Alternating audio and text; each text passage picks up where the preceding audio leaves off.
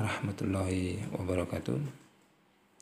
Bagi teman-teman pengelola sekolah dari unit TK, SD, SMP, dan mungkin juga ada SMA-nya, maka diperlukan sebuah sistem kurikulum yang memadukan dari satu unit ke unit yang lain. Ada kontinuitas.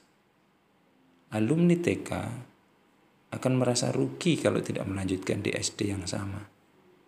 Alumni SD akan merasa ketinggalan jika tidak melanjutkan ke unit yang sama di SMP-nya.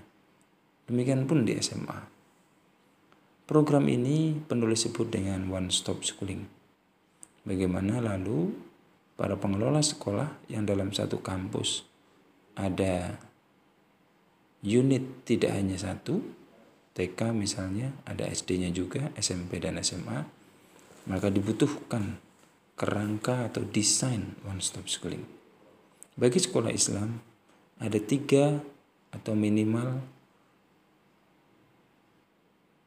boleh jadi empat keunggulan dari sekolah Islam yang harus di one stop schooling kan.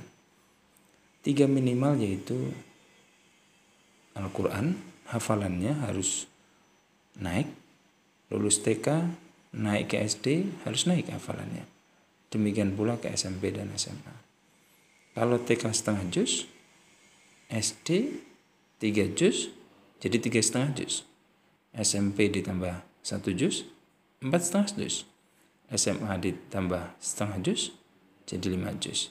Jadi alumni di kampus tersebut adalah lima juz. Selain Al-Quran yang perlu dibuat one stop schooling kan adalah yang paling penting adalah karakter.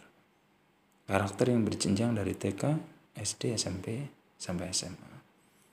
Atau mengaplikasikan karakter Nabi, yaitu sidik, fatonah, amanah, dan tablik.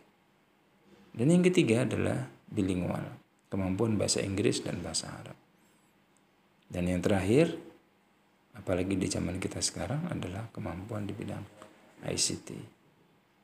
Al-Quran karakter bilingual dan ICT menjadi program yang harus di one stop schoolingkan dari unit yang terendah menjadi menuju unit yang tertinggi. Semoga memberikan manfaat buku sederhana ini. Assalamualaikum warahmatullahi wabarakatuh.